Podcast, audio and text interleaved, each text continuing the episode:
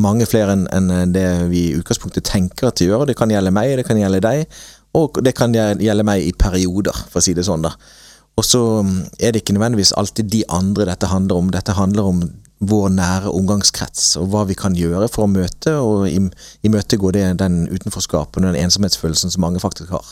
Eh, fordi eh, Vi snakket litt om det før vi gikk på her, dette her med eh, jo, man har venner, men allikevel så er man ensom.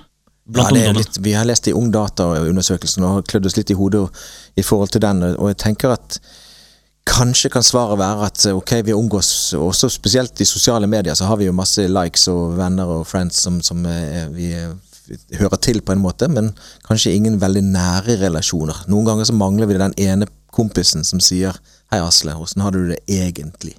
Sant? Og at jeg da faktisk tør å fortelle deg det.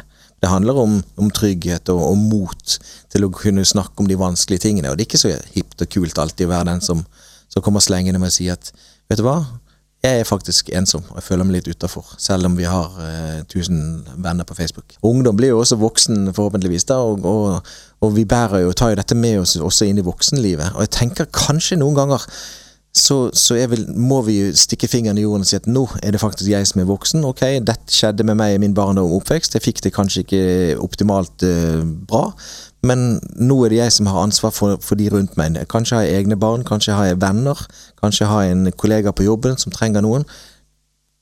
Slutt med å, å oppdatere profilen din hele tiden. Prøv å være til stede her og nå. Løft blikket fra, fra mobilen og se din venn inn i øynene og spør hvordan har du det. Eller har du tid til å høre på meg? Ja, Eller se guttungen inn i øynene, kanskje også. Kanskje se guttungen inn i også, Det, det er lett for å spørre hvordan, Hvilke karakter fikk du på skolen i dag? Mm. Eller hva lærte du på skolen i dag? Drit i det. Si hvordan har du det i dag, kompis? Mm. Asle Byråten, tusen takk for at du kunne komme i studio. Hvis det er sånn at folk ønsker å hjelpe, så er det sånn at Kirkens SOS har uh, tjenester som trenger bemanning. Vi trenger bemanning, så det er veldig fint om noen som jeg hører på kan tenke seg å bli frivillig. Ta kontakt med Kirkens SOS, så skal vi snakke sammen.